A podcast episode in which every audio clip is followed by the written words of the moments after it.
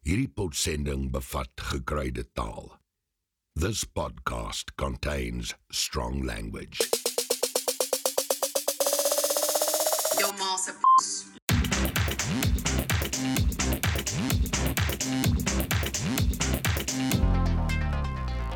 Welkom by nog 'n episode van Wadde Vloekwoord, 'n potsending oor vloek, skel en ander taboes.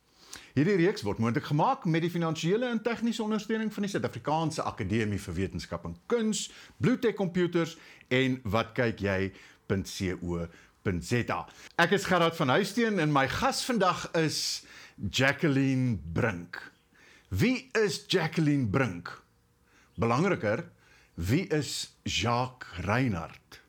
Of selfs nog belangriker, wie is die wolf wat uit sy skuilplek kruip as die haai daar oor 'n huis vlieg en sy angsroep oor die vallei skeur? Die enigste persoon wat die vraag kan beantwoord is Leon van der Rop. Hallo Leon. Hallo Gerard, hoe die duiwel weet jy wie Jacqueline Brink is? En dis my eerste vraag aan jou, wie is Jacqueline Brink? Ek kan maar net vir jou sê ek het ander skuilname ook hoor en jy het hulle nie genoem nie. Jacqueline Brink was die skuilnaam waaronder ek hygromans geskryf het in die laat 90er jare want ek het vir Lapa uitgewers geskryf en ek onthou Lapa uitgewers het vir my gesê as jy nie lus om iets nuuts te skryf nie, iets anders as hierdie gewone konservatiewe stories wat jy altyd skryf nie. Toe sê ek, wel, ons kan probeer toe sê vir my wel daar's 'n nuwe term hygroman, het jy daarvan gehoor? Toe sê ek ja, ek dink Joan Creur het dit begin. Toe sê hulle vir my dit gaan oor seks. Toe sê ek, oh, seks in Afrikaans. Nou is dit sweet so seks in Afrikaans nie, veral nie op 'n Sondag nie, behalwe op 'n Sondagmiddag. toe sê sy toe sê Cecilia Brits vir my wat wat my toe genader het. Ons wil hê jy moet vir ons romantiese stories skryf. Maar onthou, op bladsy 16 mag hulle eers na mekaar kyk. Op bladsy 112 mag hulle vir die eerste keer soen. Op op reg op die laaste bladsy mag jy darm maar arms om haar sit en hom koester of of wat ook al. Jy weet. So wat snaaks was daar was ons moes seks woorde begin uitdink want daar was nie woorde vir goed soos penis en vroulike geslagsdele en intimiteit en fisies die seksdaad. Daar was behalwe vir die aaklige woorde wat jy reeds ken wat jy agter op toiletdeure sien, was daar nie woorde daarvoor nie. Ja. so ons moes woorde uitdink wat dit 'n bietjie versag het destyds, maar tog steeds gesê het wat dit is, Is. maar wat gewaagd was. Wat gewaagd was. En toe sê ek my ek sou nie my eie naam graag daarby wil sit nie. Nie die ou wat belade vir enkeling nou net geskryf het nie, maar dit het toe net uitgegaan. Toe sê vir my nee, wa- wat se 'n uh, uh, uh, skuilnaam wil jy vat? Toe dink ek aan Jacques Reinhardt, toe sê ek Jacqueline, toe sê hulle van eerste ding wat jy aan dink is Brink of Basson. Dis die twee name wat eers in jou kop kom. Jacqueline Brink. En wat die lekkerste was daar is ek kon bevrydend skryf, want mense nie geweet dis ek nie. Ek skryf ook onder ander skuilname en ek skryf heeltemal bevrydend daaronder. Maar as ek as Leon van hier opskryf, eh, is ek nogal in 'n soort grendelgreep wat nou van toepassing is op ons. Uh, en baie versigtig oor wat ek skryf, veral oor my taalgebruik. En en dit is dan interessant dat jy dus eintlik so 'n ander persona moes aanneem om dus oor bepaalde taboes te kan skryf en so om ja. ongegrendeld uh, te kan skryf, nê. Nee. Want onthou, ek skryf ek het in die 70er jare begin skryf. In die mid 70er jare, in die 80er jare en die 90er jare. My eerste roman was 1977, my eerste radioverhaal was 1976. En jy mag nie eens verdomp gesê het nie. Ja. Jy mag moontlik verflaks gesê het. Maar nou het jy hierdie Wille Laite, ek het Reino later gaan gehad in Wolwenaars in die skemer wat seker een van die eerste losgat karakters was in Afrikaans. Ek mag nie die woord losgat gebruik het Ja, nie. ja. Jy weet jy mag niks gebruik het. Ek dink jy het hierdie laite wat hierdie lekker los taal gebruik wat Reino Hatting gebruik het, soms geïmproviseer het uh, by die radioteks, hè. Maar ek kan hom nie laat praat soos wat hy regtig praat nie. Ja. nie dat ek F woorde of wat ook al sou wou gebruik nie, maar ek sou hom net los woorde wou laat gebruik. Onthou, jy mag ook nie Engels gebruik het nie. Ja. En hy was dink ek een van die eerste karakters wat begin Engels en Afrikaans meng het. Reino het altyd gesê in Wolverhampton, not a problem. It's not a problem. En dit het mateloos verbygegaan. En hy het allerlei Engelse woorde en, en daai soort van dinge ingegooi. Ek het ook 'n karakter oom Tooi gehad. Ja, ek wat nou wat vreeslik baie ehm um, uh Afrikanismes gebruik het. Dit was my ma se wat my ma het nooit gevloek nie. Sy het net byvoorbeeld gesê, "Ag man, maar sy kon net nie die woord sê nie, jy weet. So ek het sy het byvoorbeeld gesê gillende geeste as sy skrik, jy weet. Of sy het byvoorbeeld die pragtige uitdrukking gehad, hoer jou moer, as sy regtig geskrik het, jy weet. En daai soort van goed kon ek in hom toe se mond gesit het. Nou nie hoer nie, want jy mag nie die woord hoer gebruik nie, nie. nee. En toe ek dit later gebruik te sê ek vir hulle, maar dit staan in die Bybel. Ek dink dit staan in die Bybel, staan dit staan nie? in die Bybel. Ja, toe sê ek vir hulle, dis hoekom ek sê maar maar moer, moer was die probleem gewees. En ek sê as ek nou die SKE bysit en ek sê moerske, dis sê vir my dit kan miskien gaan. So ek dink ek het in Wolwedans vir die eerste keer ook daai soort van woorde gebruik. So ek het amper die ligte vloek, die vloek wat mense nie aanstoot gee nie, op radio die eerste keer gebruik want onthou Gerard, ek het 'n luistertaal destyds van 'n miljoen gehad, dit was met die grootste ja. wat 'n radioverhaal nog ooit gehad het. En as ek van daai mense aanstoot gee, dan skakel hulle af. Af en so weg, Ek kon nie nee. afskakel, ek kon Ja. nie ek kon hulle nie aanstoot gee nie. En die ander kant af die probleem. En die ander kant is daar uh, daar was in daai tyd nie ander vermaak nie. So jy's dit ook aan hulle verskuldig ja. Ja. dat hulle nie wil afskakel nie, nee. En onthou, gaan- die SAIK het vir jou destyds gesê in die middel 70s, jy kuier in mense se huis. Sal jy hierdie woord voor daai tannie gebruik wat met die T ingestap kom. Dan dink ek ek gaan beswaarlik vir haar sê hallo tannie. Jy weet laat staan nog. Uh tannie jy's flippin beautiful. Flippin is ek nou 'n versagting van die ander F woorde, jy weet. Maar maar het dit verander Leon, dit is tog nog steeds as jy iets vir die radio skryf, as jy iets vir televisie doen, as jy op 'n Sondagoggend 'n uh, omroeper is by RSG, dan is jy tog nog steeds Ek is nog gas. steeds in daai greep. Want ek is nog steeds En nie net jy nie, ek praat van enige van enige omroep- mens, want jy moet onthou, jy's ook by ouete huise. Jy's ook by mense wat 80, 90 is en hulle hou nie van daai woorde nie en hulle skakel van jou af, maar ek het op die oomblik 'n radioverhaal met die naam van Hartebreker op RSG. En daar moet ek vir vir Kobus Burger en Magdalene Creer dit ten ere nagee. Ek gebruik ligte vloekwoorde.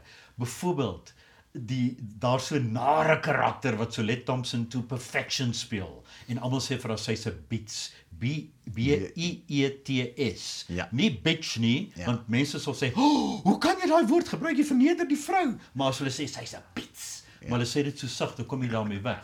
Sy sal ook byvoorbeeld sê moerske Ja, ja. of of daai soort van woord of dis 'n gatslag of man jou gatman jy weet so en daar ek kry nie 'n klagte daaroor. nie. En onthou in in Wolfdans in die skie ag die ja nee in 'n belade vir enkling die film.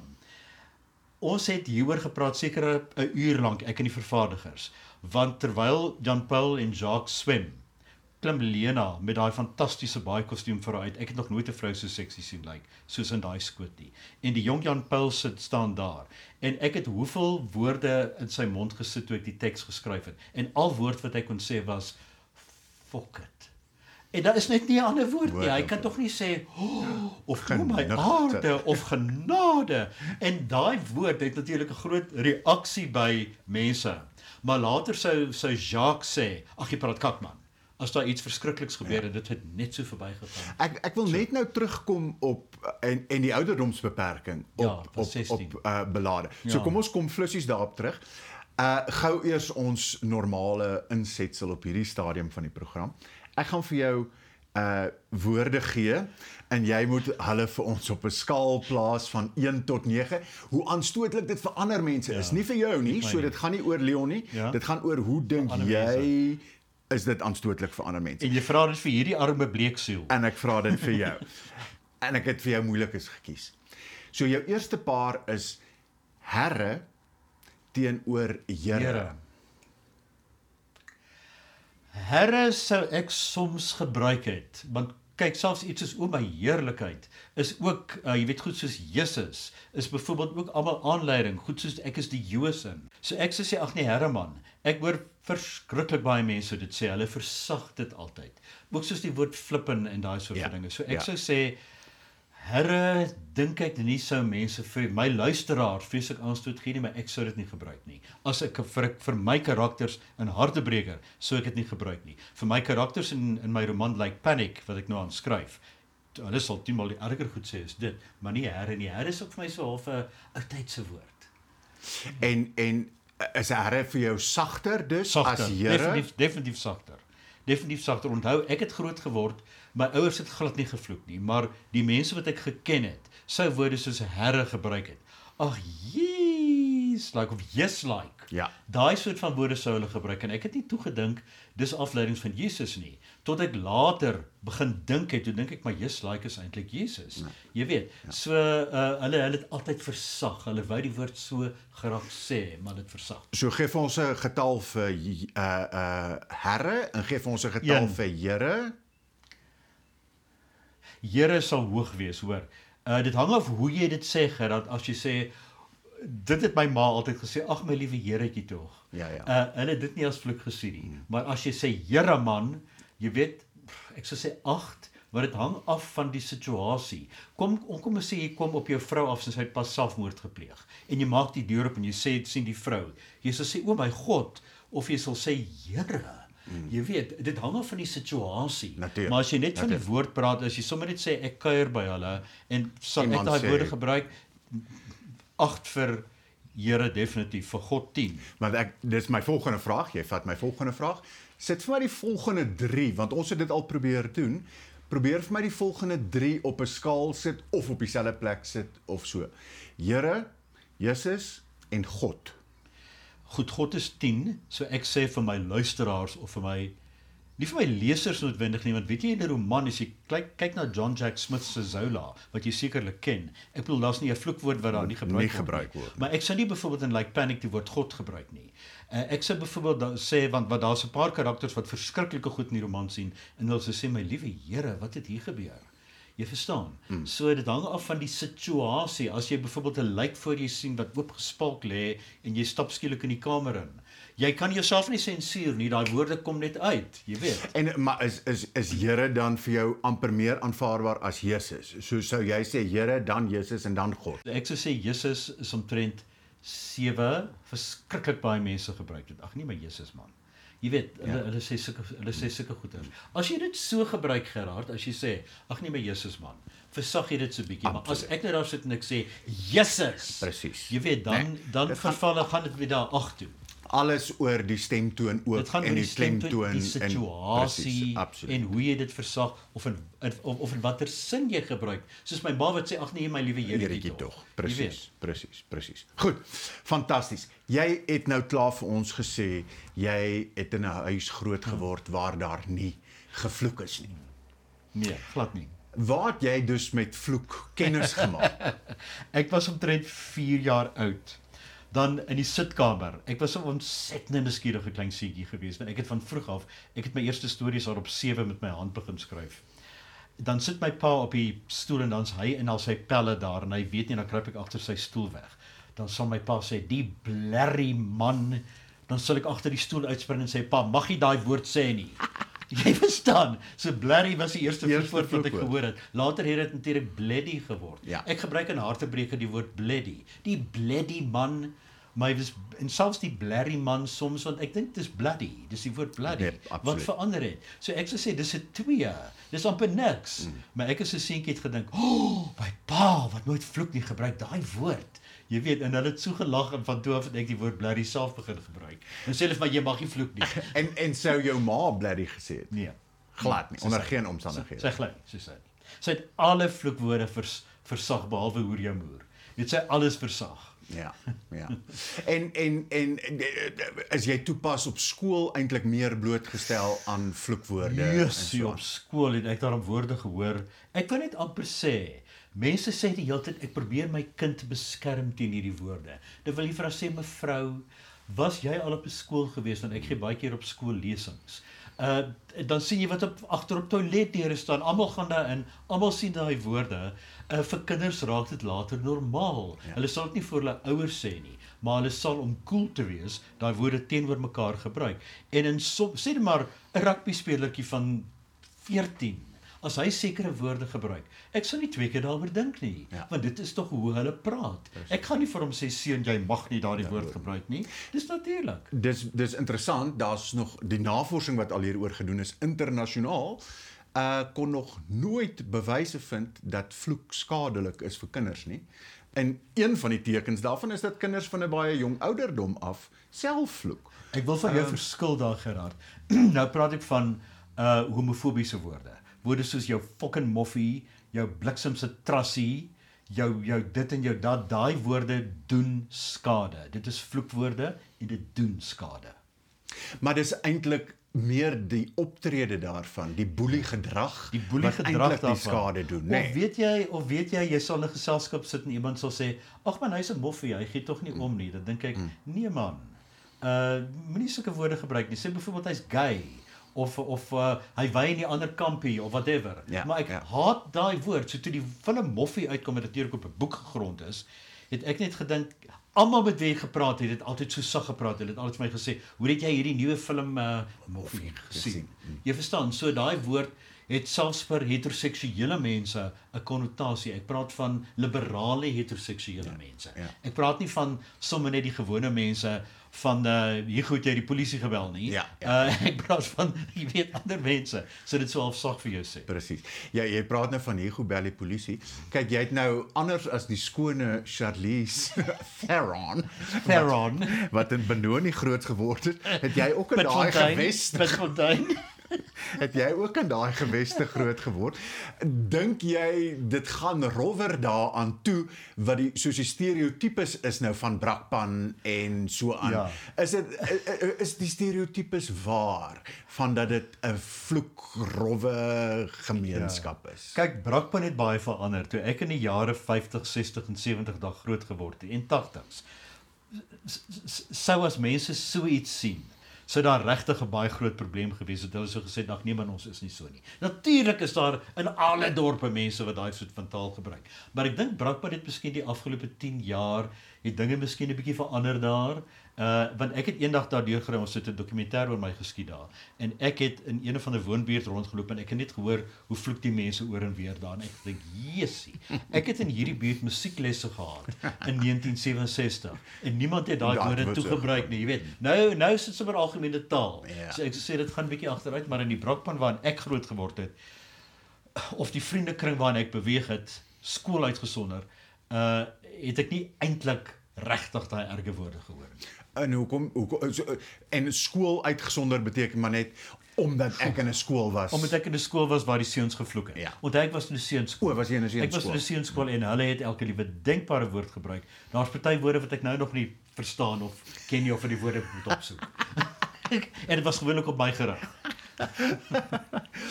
Uh Leon kos gaan bietjie na uh die uh, uh ouderdomsbeperking wat ons net nou oor gepraat het op belade. Die het die film het uitgekom met 'n ouderdomsbeperking van 16 TG Ja. wat staan vir taal, en geweld Dis natuurlik die seksuele verkrachtingstoneel wat die wat die geweld gegee het. Maar Gerard, toe verander dit toe dit op DVD kom te word dit 13. Met ander woorde, ek het miljoene rande verloor in die proses want 16 het 'n klomp mense uit die teater gehou toe dit op video beskikbaar was met steeds met met die woord fokker en en kak in. Uh het dit op vir 13 ingegaan en ek het op in skool, in skool gekyk daarna saam met mense, saam met seuns of of dogters vir wie ek die film help ontleed het. Niemand het gelag oor daai woord nie. Miskien fok het so 'n bietjie van 'n van 'n van 'n van 'n dis- snigger gewees het, van maar 'n dis ook- gewees dis het. ook 'n Maar dis humoristische ook- Dis 'n situasie. situasie wat daai gesig wat Loan Jacobs opgesit het. Ek bedoel ons het gegil soos ons lag toe ons dit die eerste keer gesien het. Ek was by toe toneel ge- geskiet is en ek moes my hand voor my mond sit soos ek gelag het toe hy die woord sê, want hy het dit perfek gesê. Ja. En en uh, is dit net daai twee was dit net die Ja, dat fokker was net daai twee woorde. Dit was net daai twee woorde. Want daar was nie ander woorde nie. Is die is nou is die vraag en dis een van my fascinasies in hierdie projek is een van my fascinasies gaan juis oor ouderdomsbeperkings. Nou sit jy met 'n ouderdomsbeperking van 16, presies wat jy nou sê, op grond van twee nou ja, makwoorde soos fokket en kak.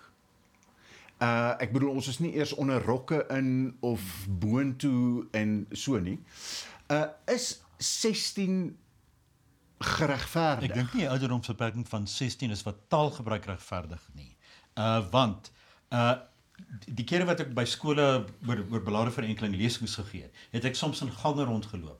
Dan hoor ek seuns en in sommige gevalle meisies wat rondloop en die F-woord 5 keer in 'n sin gebruik. Dan dink ek ag dis lui praat man. Daar's daar's tog iets anders wat jy kan sê. Jy hoef dit nie elke keer te sê nie. En dit het soveel algemene spreektaal geword dat die F-woord is al deel van ons van ons spreektaal. Dis lui praat. En en en en, en Leon 13 dan. Okay, goed, ons het nou gesê 16, eh, nee, hè? 13 vir fokke en kak. hulle sien dit agter toiletdeure. Mm. Hulle sien woorde wat baie erger is agter toiletdeure. Hulle hoor dit. Hulle kyk skelm op televisie. Uh en dan hoor hulle al hierdie woorde in elk geval. Dink jy dat wanneer 'n kom ons kom ons sê argument onthou wat die ouderdomsbeperking is 13 net met 'n G. Want vir die verkrachtingstoneel, dit kan mens nou nog verstaan, nê? Nee. En hy's net vir G.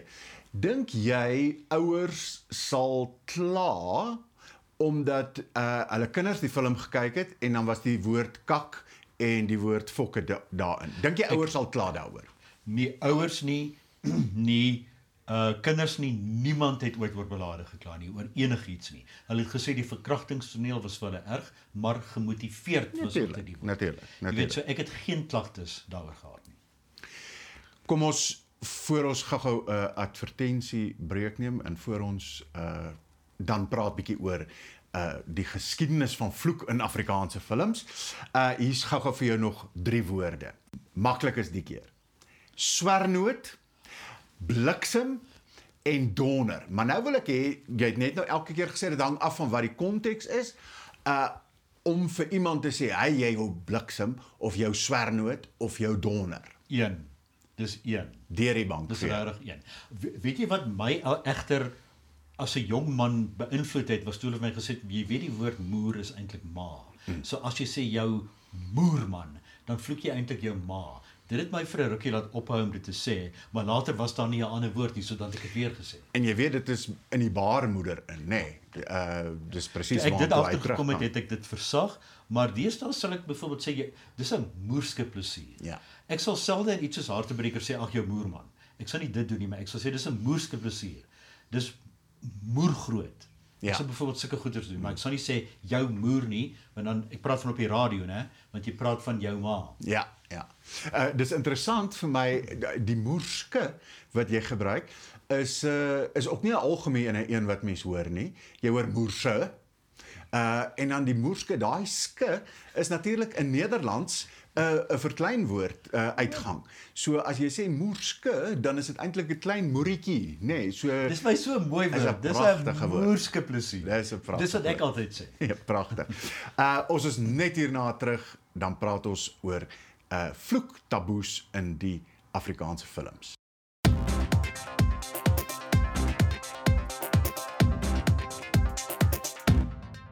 Ek is Leon van Heerop en ek gesels beslis nie onder dwang nie want ek het regtig baie te sê met Gerard van Huisteen oor vloekwoorde.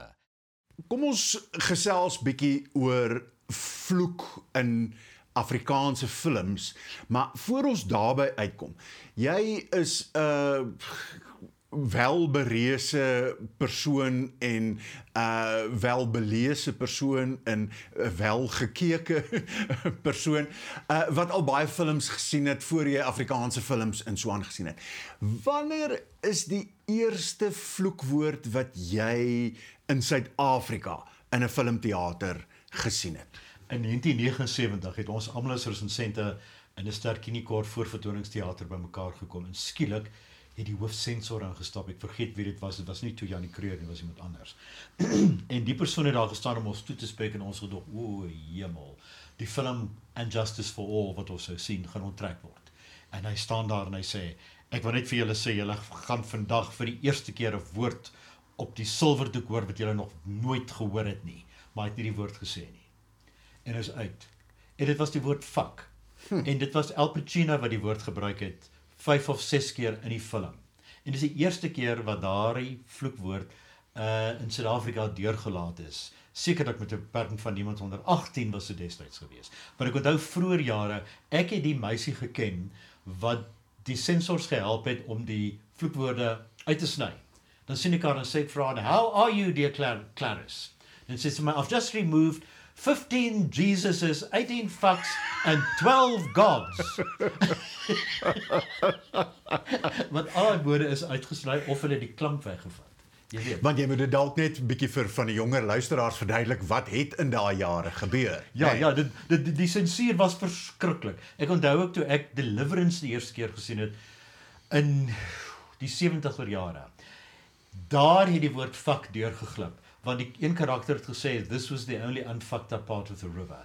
En ek het my gat afgeskrik toe ek dit hoor. Wie wat het hulle baie keer gedoen in die ouer jare? Sodra die verspreiders weet daar kom 'n vloekwoord, dan bring hulle vir al die ooms en tannies wat sit en kyk het wat die sensors was tee in. En net sodra daai vloekwoord kom, dan sit hulle hom Nee. so neer.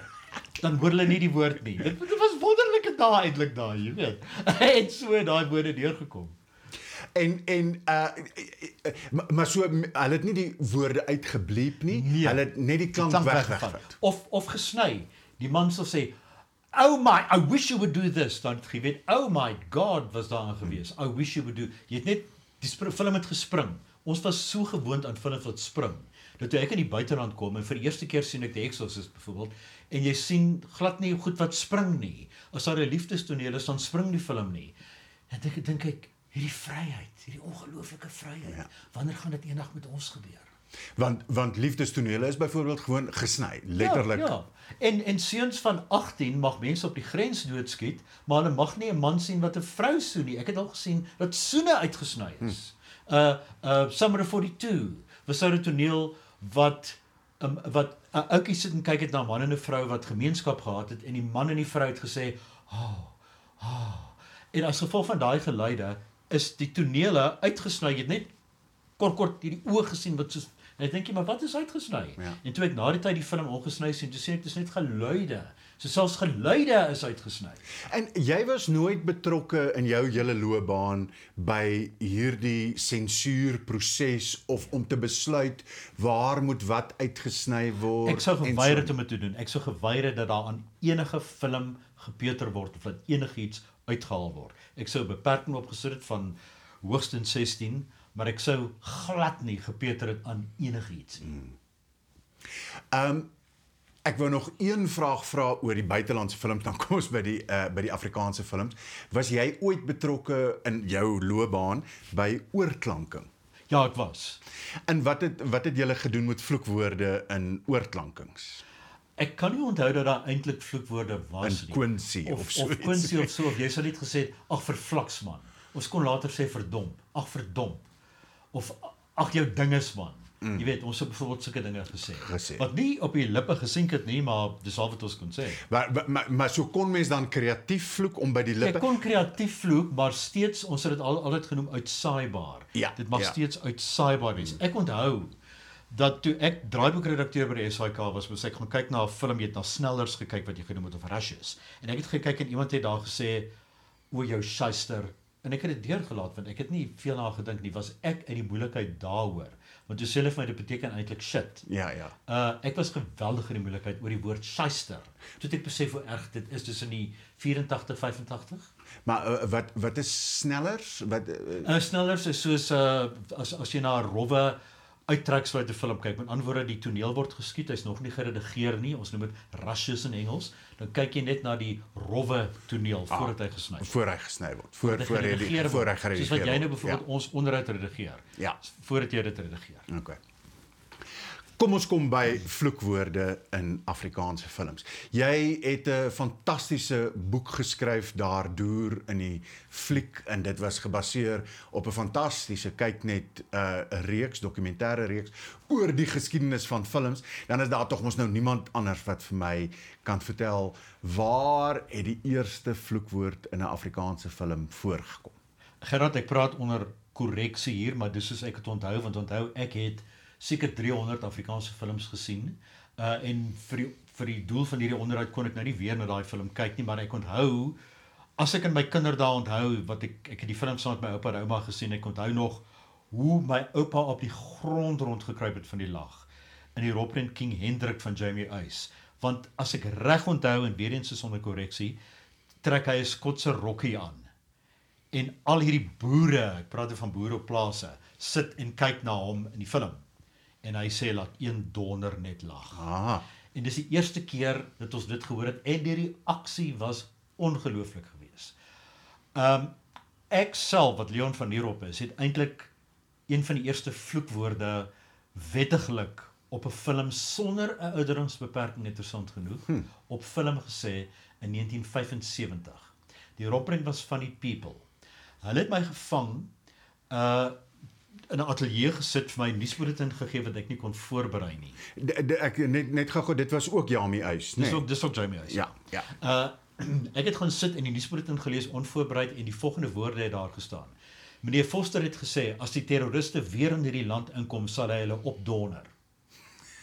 En jy, en jy weet skielik is dit net daar en jy's daar en jy ek da- daar's my gesê jy jy saai lewend uit.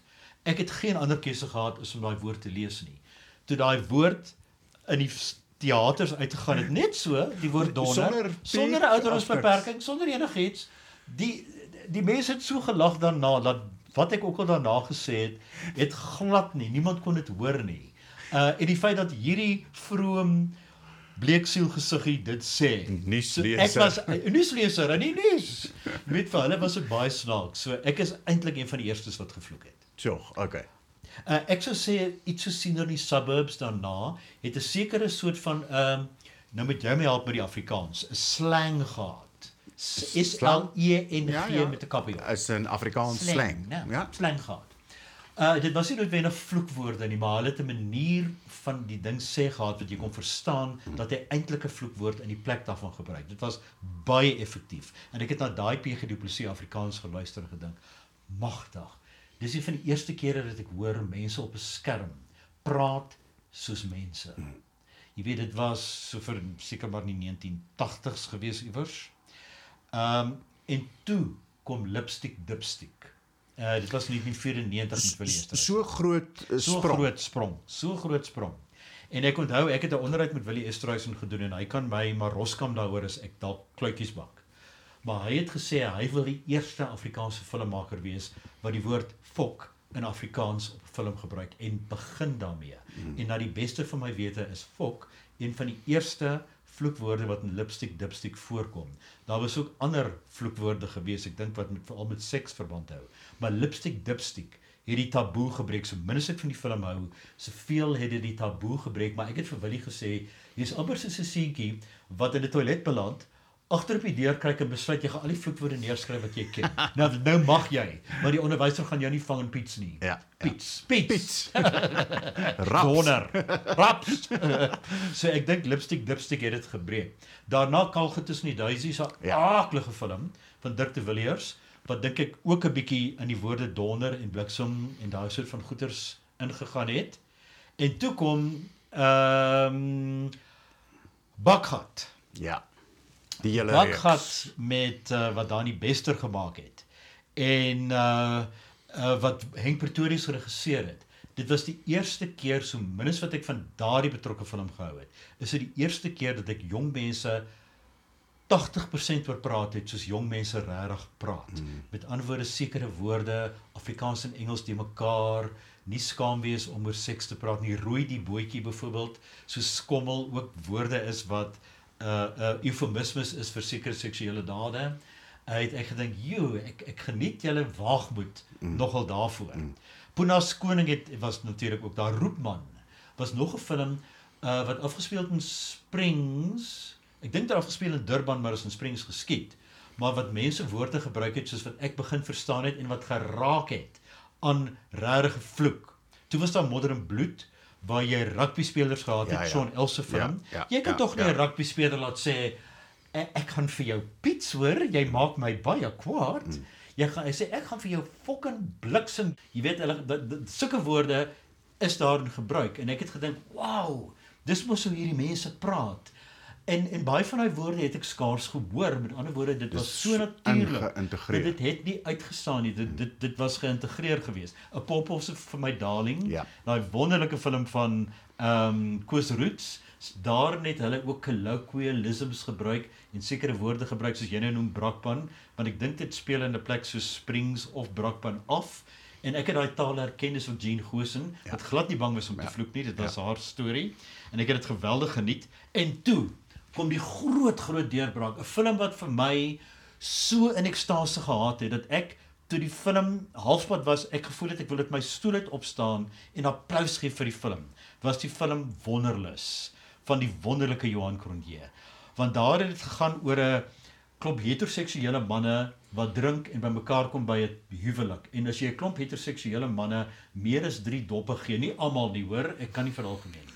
Maar ek meer as 3 doppe gee en hulle staan om om 'n braaivleisvuur by 'n tafel en begin praat. Dan kom daar sekere woorde deur wat wat, wat is die Afrikaanse moeiteloos? Wat moeiteloos gebruik word. Hulle daai woorde op so 'n manier gebruik. Al die woorde wat ek nou genoem het. Alle vloekwoorde, elke denkbare vloekwoord waaraan jy kan dink, het moeiteloos oor hulle lippe gekom. Ek het dit nie gehoor nie. Ek kan nie dink dat ek ooit 'n klagte gehad het want ek kry baie klagtes per e-pos oor vloekery. Ek kan nie dink dat ek daar enige klagtes gehad het nie want ek het in my resensies gewaarsku en net gesê erge taalgebruik kan ontstel net om myself te cover. Dis al woord waarna ek kan dink. Ek dink jy is Afrikaans woord vir cover nie. Uh en en niemand het oor daai vloekwoorde gekla nie. Dit was dit dit het gepas in daai in daai uh, genre en in daai mense se monde. Daar was woorde daar was films soos nommer 37 wat op die Kaapse vlakte afgespeel het vir Nosipo Dumisa in 2017. Ehm um, films soos Ellen, die storie van Ellen Pakkies van Darren ja, Joshua ja, ja, waar jy mense op die Kaapse vlakte het wat sekere woorde, die P-woord wat onder vrouens se rokke invloek, wat woorde gebruik wat ek nog nooit gehoor het nie, maar wat so gepas het in die film dat dit my nie in die minste gepla het nie dat ek dit eers agtergekom het nie. En eintlik hoor ek nou 'n ding wat jy sê is wanneer is dit gepas want mense vra dikwels uh jy weet ek wil me, mense sê altyd o oh, ja hierdie sekstoneel was gemotiveerd of so iets jy weet wanneer is taal gebruik gemotiveerd en wat ek eintlik hoor jy sê is wanneer dit nie opval nie. Ja, ja. Wanneer dit nie opval nie. Byvoorbeeld sê nou maar ek sê net vir jou Gerard van Huisteen fok jou. Hmm is dit beledigend vir jou. Want uh ek sê dit sonder 'n rede. Daar is nie 'n rede hoekom ek dit vir jou sê nie. Maar as ek vir jou byvoorbeeld sê as jy byvoorbeeld vir my beledig en ek sê ag nee man Gerard, fok jou man. Jy weet, dan dan is dit vir my kom ons praat van in 'n rolprent konteks, totaal gemotiveerd. Ja. Uh, selfs in 'n normale situasie is dit gemotiveerd. En dan gaan dit eintlik nie opval nie. Ja, dit gaan nie opval nee, nie want dit, want dit gooi dit al weg en dit, dit hoort ook byvoorbeeld ja. daar. Dan wil ek sê films soos Johnny is nie dood nie. Uh Canary want ek was in die weermag gewees. Daai woorde wat in Canary gebruik is, is absoluut. Ek het elke een van hulle herken. Soms woorde wat ek nog nie eintlik gehoor het nie. Hier en daar het mense het ek ek het dit saam met gehoor soms gesien wat mense gesê het. Oh, jy weet wat baie van daai woorde het so het so van soos 'n soos 'n masjiengeweer oor die oop getrek. As die Beer Adrianse het 'n uh, ek dink 'n 'n luitenant of 'n samajoor of 'n sergeant gespeel. Ek dink ek het opgehou kyk toe ja. na die stort toneel. het ek niks verder gehoor nie. Maar goed.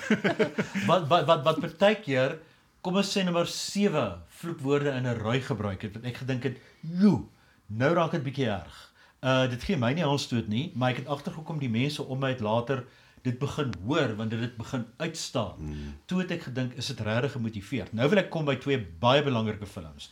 En dit is nuwe films wat uitgekom het. Dis films Stam en Meisies is uh Meisies wat fluit. Dis twee splinte nuwe films wat nou uitgekom het. Ek het daar vloekwoorde gehoor en mense gehoor wat vloek maar letterlik amper elke tweede sin. Dis amper soos Zola uh wat wat elke tweede derde sin 'n vloekwoord in het. Aanvanklik het ek gedink veral met iets soos uh stam.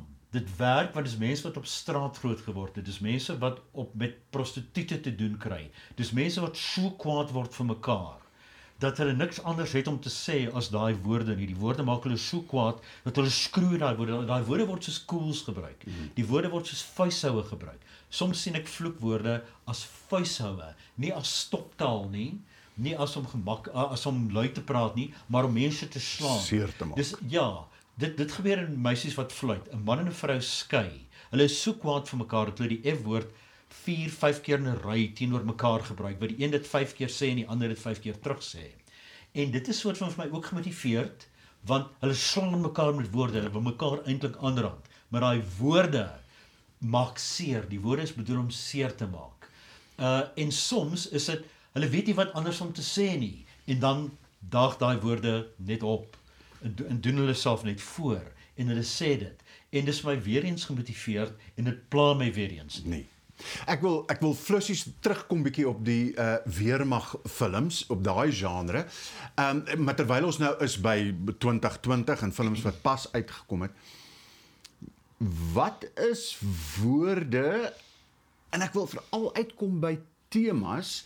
Wat dink jy is woorde en temas wat in 2020 nog taboe is? Ek ek probeer baie hard dink aan iets wat regtig taboe is. Ek dink nie daar is meer nie. Ek dink uh kyk net films het dit half oortref. Hulle het verby daai vooroordeele beweeg. Ek dink nie daar's regtig iets. Weet jy iets waaraan ek nog dink is byvoorbeeld gay wees. Nou goed soos Kanarie het dit byvoorbeeld baie baie goed aangevat. Johnny's nie dood nie het 'n bietjie daarin geraak. Maar die probleem, uh, ek dink skoonheid het ook op 'n manier daarin geraak.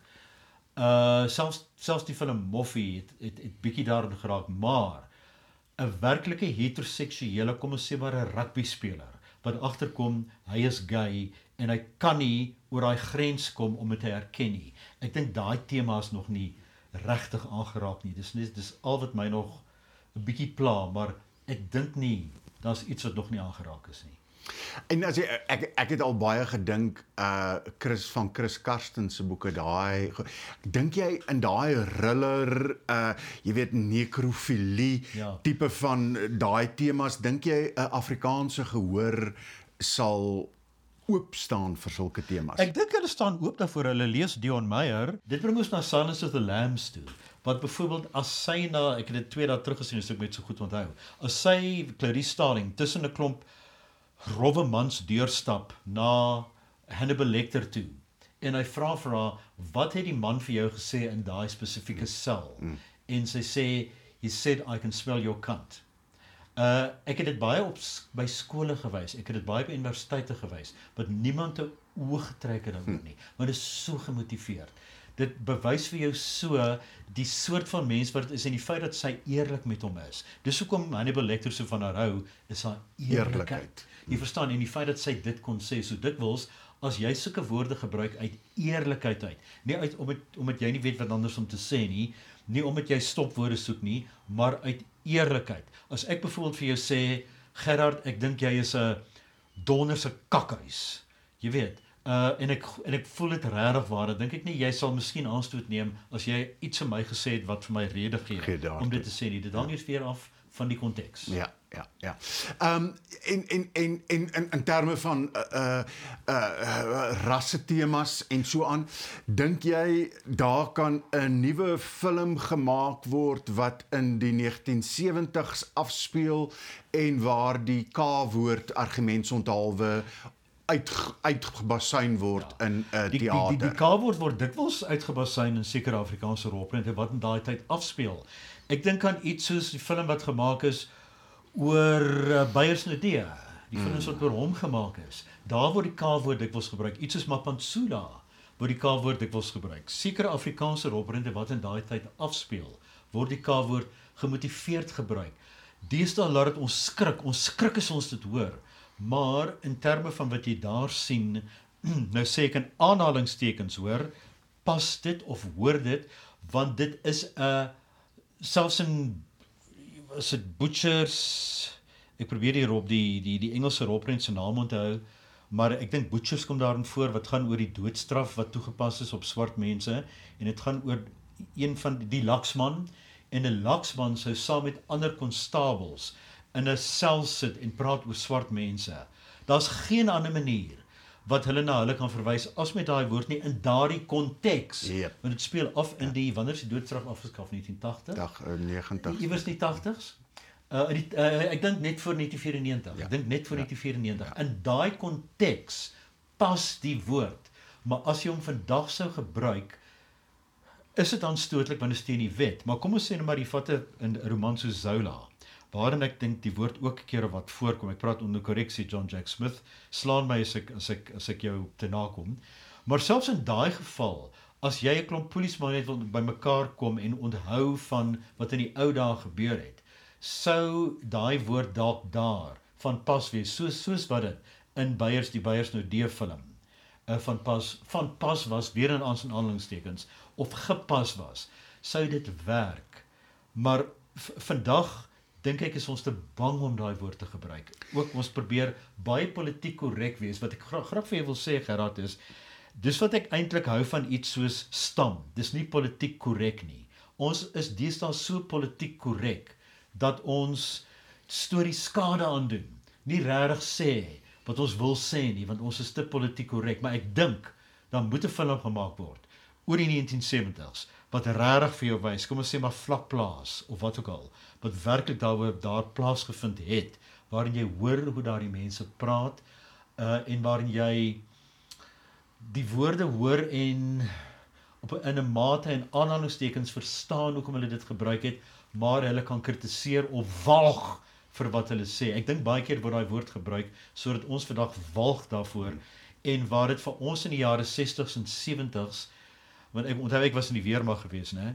As soort van normaal in aanhalingstekens was dit jy nou besef hoe aanstootlik daardie woord wel is.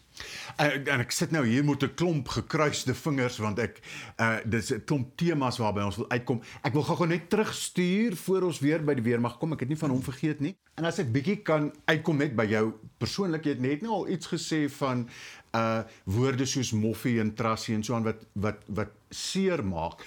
Is is is dit nie ook in 2020 tyd vir ons om soos die Engelse sê to own those words ja. en om te sê maak nie saak wat jy my noem nie. Uh ba baie goeie vraag Gerard. Want weet jy ek het nou die dag saam met 'n klomp gay mense in 'n geselskap gesit en ek het gehoor hoe praat ons van hy wiele die moffies wat nou daar op die straat so rondhang en mekaar so opkamp en jy sê ek vir een hy hoor jy wat hom sê dan sê dan sê vir my ja maar weet jy dis eintlik deesdae 'n normale woord dis amper 'n woord wat jy liggie spot as jy dit sê. Die woord het aan ons eie geword ons aanvaar dit ons gebruik nog nie trassie nie want dit is 'n lelike woord. Dit word dink ek in moffie gebruik die woord die film moffie. Maar ons gebruik nog nie daai woord nie maar iets soos moffie het amper al geword soos ek ek kan nie aan 'n ander woord dink wat lelik is. Kom ons sê net maar die die woord wat die Amerikaners so graag gebruik wat wat oh my god. Ja. Dit het amper soos oh my god geword. Wat jy nie meer dink wat jy sê nie. Jy sal net sê ag maar hy's 'n moffie ons hoef nie te worry om daai woorde vir hom te sê nie. En amper dit het amper want en ons denk, beledig hulle nie. Ons sê net dis amper so van half 'n troetelwoordjie. Dis amper 'n troetelwoordjie want ja. destyds was dit 'n vloekwoord. Nou is dit 'n troetelwoordjie. Onthou moffie se ding wat jy om jou hande draai. Dis eintlik waar dit vandaan kom. En ek dink die woord het eers in die 19 jy sal beter weet as ek in die 1970s werklik eers ontstaan as 'n vloekwoord. Want tevore is daar van moffies gepraat, selfs rugby spelers sou onder mekaar praat en sê jy's 'n moffie, nie bedoelende jy's gay nie, maar jy is sag, jy's te sag om te hardloop en te val en jy kry te maklik seer. So moffie beteken nie altyd jy is homoseksueel nie. Moffie beteken baie keer jy's te sag en jy's te bang. Kom ons kom net bietjie terug gou by die tema, die weermag tema. Uh terug in tyd, jy het nou gepraat van Moffie, voor dit Kanarie en dan dink ek hier in die 1980s die Boetie uh gaan border toe films en dan ek onthou hier in die 1970s, laat 70s ek ek kan grensbasis 13 presies grensbasis. Ses soldate. Dis hy. Kaptein Caprivi. Is is is hierdie genre sal dit nie eintlik vir ons so baie mooi oorsig gee oor hoe vloek in die Afrikaanse filmbedryf jy weet as 'n mikrokosmos uh hoe vloek in die Afrikaanse films verander het nie ja as jy kyk na Boetie gaan borde toe Regard van der Berg het daar 'n paar taboes ook verbreek hy het versaag maar het op so 'n manier gepraat dat jy steeds geweet het wat hy wou sê Uh, hy kon nie daai woorde gebruik nie, want onthou destyds ook geraak, moes jy 'n draaiboek aan die sensors voorlê, nie in alle gevalle nie, maar in sommige gevalle. Hulle het daai draaiboek deurgegaan vir jou gesê wat mag, wat nie mag nie. Die weermag het daai draaiboeke deurgelees. So enige verwysing, enige vloekwoord sou sou uitgesny gewees het. Maar tog het Regot van der Berg daarin geslaag om sekere woorde te gebruik wat so snaaks was dat jy gelag het daarvoor juis omdat dit versag was. Juis omdat jy geweet het wat hy eintlik wou sê. Maar ek onthou ek was in uh, die Skobbelos in uh, Kimberley gewees op in die op die in die weermag. En ons het verskriklike woorde gebruik. Ek het daar woorde gehoor in 1971 wat ek nie geweet het bestaan nie. Toe kyk ons na films soos Grensbasis 13 Boetie gaan border toe dis nou dit terug tevore ehm um, Maar maar maar iets soos uh, Grensmasters 13. Ons het gelees as ons lag vir die manier wat daai ouens met mekaar praat want ons het net gedink ons ken nie sulke mense nie. Ons ken nie sulke woorde nie. Ons het so gelag vir die dinge wat hulle sê. Ek dink in dit was dalk die woord dit was dalk een van twee films Skippy en Candace of uh Ses soldate een van die twee waar 'n karakter wat die Friedrich Stark gespeel is die bynaam gehad het van Poepies. En toe iemand die eerste keer Poepies gesê het gesê hey Poepies kom hier. Yo die mense het gelag.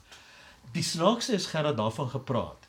As 'n mens voor 'n gehoor staan en die gehoor wil nie lag nie en jy doen jou absolute bes om hulle te laat lag vir goed wat regtig snaaks is en hulle staan net jy behoort te weet hulle staan net na jou aan asof jy nou net slaaiblare op Mars geplant het en vir hulle gevra het om te kom eet en jy sê net joe dit was dan vir my donders lekker geweest weet jy daai mense lag en dan sê jy net later praat jy weer niemand lag en dan sê dit was 'n moerse plesier geweest. Dan lag die mense weer. Dan dink jy ons is in 2020 of nou 2019 voor die Grendelgreep wat ek die, voor hulle gepraat het.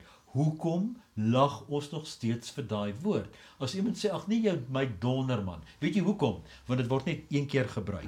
As jy na meisies wat fluit kyk en jy hoor daai die F woord 46 keer dan gaan jy jy kan nie elke keer daarvoor lag nie wat anders sal jy doen Ja, jy sal ja. net so te lag die hele tyd so dit word normaal En dan het dit eintlik 'n ander funksie, nê? dit het eintlik ook 'n ander funksie as om net te sê Ai, julle klomp donders wat hier voor my sit. Dan lag die mense. Want jy gebruik nie daai woord donder 26 keer nie. En ek dink, jy weet, eh, dis bekend dat mense al op gepraat het oor uh in Afrikaans lag mense vir sogenaamde toilethumor. Ja. Uh, ek dink nie dis nou net in Afrikaans nie. Leon Schuster byvoorbeeld. Dink is maar internasionaal uh, Ja. is dit so en dat mense dan dikwels sê as jy nie weet hoe om iemand te laat lag nie dan laat jy iemand te wind laat. Ja.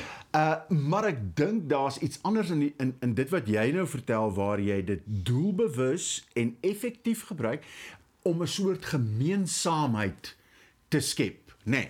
Uh dit gaan nie net daaroor om 'n 'n cheap laugh Ja. uh uit te lok nie. Dis amper asof mense sê as ek dit gebruik want hulle dink altyd ek is so 'n konservatiewe bleeksiel wat ek by the way nie is nie. Maar wat wat hulle so na jou na jou kyk en dink, "Ha, jy's ook een van ons." Mm, presies. Jy gebruik ook dieselfde taal as ons en ons hou daarvan dat jy dit vir ons sê want dit is so snaaks as jy dit sê. Presies. Ek dink byvoorbeeld as Leon Schuster sê donder, gaan niemand eintlik lag nie. Ja. As ek sê donder, dan lag hulle. Jy weet dit hang ook af wie dit sê. sê. Presies. Ons het nou baie oor vloekwoorde en so gepraat. Kom ons praat bietjie oor uh taboe temas in Afrikaanse films. Uh ek dink die eerste film waarvan ek kan onthou wat sover ek weet verban was, was Broer Mati. Hy was baie kortliks verban, hoor. Hy was verban Kom ek sê vir jou dramatiese geskiedenis. Ek dink Jans Ruitmag het eers die draaiboek voorgelê, toe die sensors gesê nee, jy moet die volgende veranderings aanbring. Toe het die Broederbond baie kwaad geword oor broer Mati. Toe het die kerkraad kwaad geword oor my broer Mati want dit speel dis 'n kerkraad wat bymekaar kom om gesels. So Jans moes self sensuur toepas. So dit was nie noodwendig ek dit was as gevolg van eksterne faktore Eksterne faktore ja. wat hy self sensuur toegepas. self sensuur toepas en ek dink dis baie kortliks verban, hoor. Is daar Afrikaanse films wat verban is wat uh nie in die teaters mag gedraai het nie? Aanvanklik Katrina. Aanvanklik Hoe hoekom? Ka Katrina omdat dit 'n 'n 'n 'n wit man en 'n bruin meisie is wat oor die kleurgrens met mekaar liefde gemaak het of verlief geraak het op mekaar. En wanneer was dit gewees? 1968 69. Goed. Maar dan die klassieke geval is die Roprent Debbie. Hmm. Ek het as 'n kind in 19 ek dink 66 Treina de Toey se roman Groen Koring gelees. Ja, ja. Ek het vir my ouers gevra, "Wat is die probleem dat Debbie en Leon, was die karakter se naam, wat Leon Leroux later ek dink was Leon, nie mag getrou het nie?" Toe sê hulle vir my, "Wat jy mag nie buitekant die huwelik trou nie." Hmm. En my ouers was nie verskriklik dat hulle in die kerk geboer het nie. Hulle was godsdienstig, maar dit nie in die kerk geboer nie. En Ek het gesê, "Maar hoekom nie?" O, dis sonde. Dan sê ek vir hulle, "Maar wat is sonde?" O, jong, dan ek nou nou met my verduidelik, maar maar, maar openhartig. Hulle was nie konservatiewe mense nie, maar dit het my gesê onthou net jy mag nie seks met 'n vrou hê buitekant die huwelik nie. En ek het gedink, "Haai, dis vir my bietjie silly. Dis vir my bietjie simpel."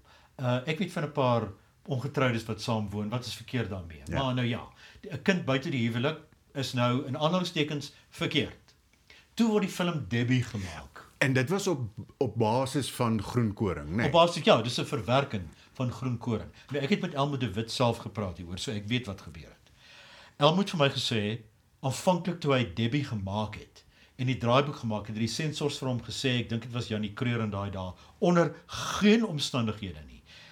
Eh, Ek wil nou nie name noem nie, maar ek dink nog 'n sensor het die volgende woorde gebruik. My blanke dogters het nie seks buite die huwelik nie. Punt. En Elmo het vir hulle probeer verduidelik dat die film 'n indirek kritiek lewer daarop. Hulle moet dit sien as kritiek daarop, nie as 'n verglansing daarvan nie. Op grond daarvan het hulle toe vir Debbie niemand onder 21. Hm. Toe gaan kla iemand. Want as iemand kla, dan slaan die sensors toe, dis maar net te bly. Dink aan die broekiekouse in Scope. Hulle het gesê maandag Scope gaan verband word donderdag omdat daar broekiekouse is. Scope is uitverkoop teen Dinsdag. Ja. Het jy nou al jou lewe so iets gehoor? Maar by Debbie, die sekstoneel dink ek wat Trina de Tooi oorspronklik ingeskryf het, is in die rolprent gebruik as die twee wat in die motor sit terwyl dit reën. Dit het so gereën want Elmoet vir my gesê mense moes met tuinslange staan en nat spuit. Dit het so gereën dat ek glad nie kan uitmaak wat daar aangaan nie. Kort na die reëntoneel het Debbie verklaar sy swanger. Ek het gedog hemel, ehm um, Leon is 'n dokter. Hoe weet hy dan nie dat as jy seks het met 'n vrou, jy swanger word nie? Film is verban. Toe word dit toe, toe klaar iemand het gekla. Toe word dit ontban as niemand onder 18. My wonderlike ouers plaas my onder 'n kombers in die motor na die inry sodat ek Debbie kan sien wat hulle dink ek moet dit sien. Ek lê onder die kombers. Ek het 'n swart maatjie gehad. Die swart maatjie het langs my gelê, ook onder die kombers. Kan jy dink as hulle agtergekom het, 'n swart seun sien Debbie. Maar anyway, ek en Johannes sit toe nou na Debbie en kyk en wag vir die groot tonele. Dis klaar. En niks het Ons gebeur. kyk na mekaar. My pa en my ma sê, "Waaroor gaan hierdie ding? Hoekom skryf hulle so daaroor? Hier gebeur dan niks." Toe word dit afgebring na niemand van onder 12. Vandag dink ek is Debbie kan enige iemand van enige ouderdom sien. Maar dit bewys en ek dink dit is 1966 hoe oordadig konservatief ons was. Hoe hoe bang ons vir seks was. Seks en die seksuele vloekwoorde. Ek verstaan nou nog nie hoekom ons, maar selfs vandag nog is mense bang vir seks of bang om na rolprente oor seks te kyk of bang vir rolprente wat oor seks handel. Daarom was Wonderlus 'n totale revelation, ook bakgat. Want vir die eerste keer kon die Afrikaner en lipstick dipstick seks op die silwerdoek in Afrikaans sien. Toe dog ek maar wat het Afrikaans met die saak te doen? Seks is seks. Uh het julle as Afrikaners nie seks nie? Hoekom mag ons dit nie sien nie? Is julle vroom? Probeer julle voorgee dit gebeur net agter 'n toe deur? Uh en en ek as 'n jong mens het al daaroor begin dink en begin wonder. So dis my wonderlik dat jy vir my daai vraag vra want nou maak jy skielik weer my kop oor. Hy het kom kom ek speel duiwels advokaat het die verandering te maak met vooruitgang in die uh gemeenskap of het dit te maak met verval in die gemeenskap? Ek sou sê verdraagsaamheid. Op die oomblik is dit verdraagsaamheid. Want baie mense sal vir my sê uh ons verdra maar die vloekwoorde. Dis vir ons verdraagsaamheid. Mm. Maar ek ek dink nie ons verval noodwendig nie. Ons moet onthou mense wat so heilig is op Afrikaans en al hierdie vreemde woorde in Afrikaans skep wat gemens ooit gebruik nie. Uh ek ken iemand van s- 18 wat so lag oor hierdie woorde. In Hartebreker skryf ek soms woorde in en ek het 'n redelike jong verdeling waar die jong mense vir my sê, "Wat beteken dit?" Ons weet nie wat die woord beteken nie. Dit word nie meer gebruik nie, jy weet. Ons sê nou dit en dit en dit en dit. So die taal verander. Dis nie noodwendig verval nie, maar dit word meer toeganklik. Mense verdra dit meer, mense aanvaar dit meer. En nog 'n ding wat ek nie kan verstaan nie, is ek kan nie vir jou sê hoeveel e-posse kry ek oor mense wat vir my sê, "Geagte professor van Nierop. Die oomblik wat ek daai woorde sien, dan weet ek hier kom dit. Ek is lankal nie meer 'n professor nie, maar hier kom dit. Dan sê hulle u, dan dink ek hier kom dit.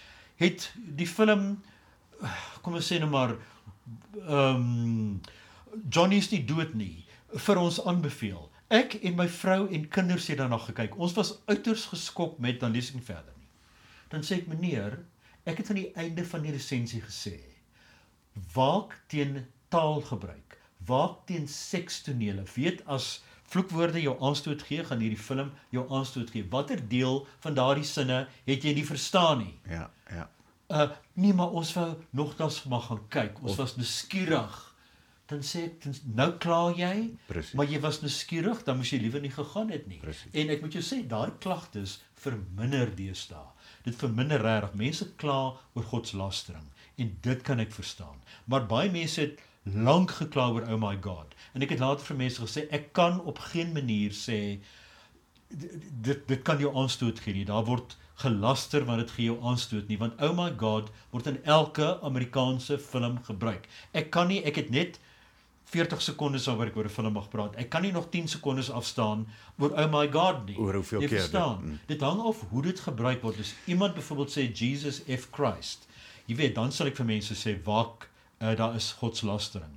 Uh Maar maar maar iets soos uh, oh my god in die Engelse konteks, dit is eintlik soos wat jy net nou gesê het, herre, Ja. uh, maar versagting o my geword, aarde. jy weet, nee. Jy weet, o liewe hemel, ons vergeet van o liewe hemel. En alle mapsticks. alle mapsticks, al daai woorde. Ja. Jy ja. weet. En uh, oh my god het dit eintlik geword in die Engelse ja, ja, se konteks. Ja, interessant hoe dit vertaal is om te sien hoe hoe dit vertaal is heeltemal anders eintlik partykeer as wat ek dit geskryf het. Soms kan jy seker goed net in Afrikaans sê. Kan jy as skrywer, as oorspronklike skrywer van die Afrikaanse teks dan aanvoel dat daar 'n nuance, 'n tekstuur verskil ja, is ja. tussen die Afrikaans en die Engels? Daar is 'n nuance en 'n en 'n en 'n tekstuur verskil. Die Afrikaans, die Engelse deel dink ek was bietjie meer eksplisiet as die Afrikaanse deel. Klein bietjie meer eksplisiet. Maar ek vra vir myself as ek skryf, as ek hierdie sit en lees op 'n vliegtuig, hoe gaan ek voel? Sal ek die boek wil vat en neersit met die agterkant van die boek vorentoe die agterblad dat mense nie sien ek lees dit nie.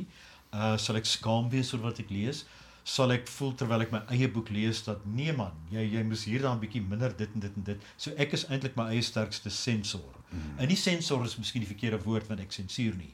Ek bedoel ek is my eie beste toue intrekker. Ek trek my eie toue in. Wel of gewoon jou eie radarmasjien. Ja, nê? ek is my radar, ja. Dit hoef nie radar. noodwendig Ek is uh toue intrek te wees Ja, nie. Jy ja, weet, dit is ja. net wat is gepas en wat is nie gepas nie. Uh in 'n En natuurlik help my redigeerders my daarbey. My redigeerders veral met my romans want ek is by Penguin op die oomblik, uh het nog nooit oor 'n vloekwoord enige probleem gehad nie. Hulle sê byvoorbeeld net vir my gesê jy gebruik die woord skielik 240 keer, maar hulle sal nie sê jy gebruik die woord donder 30 keer nie. Jy En- weet ek sal nooit dit kry nie. en kafoefel. Kafoefel was baie snaaks. Ek het kafoefel nou die dag op die radio gebruik. Ehm um, dit was want dit was 'n rolprent wat gegaan het. Ek het gesê die regisseur kafoefel baie sterk na jou toe om van die film te hou. Met ander woorde, hy vry en vry na jou. Flirt, ja. Hy flirt met jou, maar hy gaan verder as flirt. Ja, okay. Want die tonele wat daar gewys word, dink ek is regtig so erg. Dat kafoefel is die sterkste en die verste wat hy kan gaan.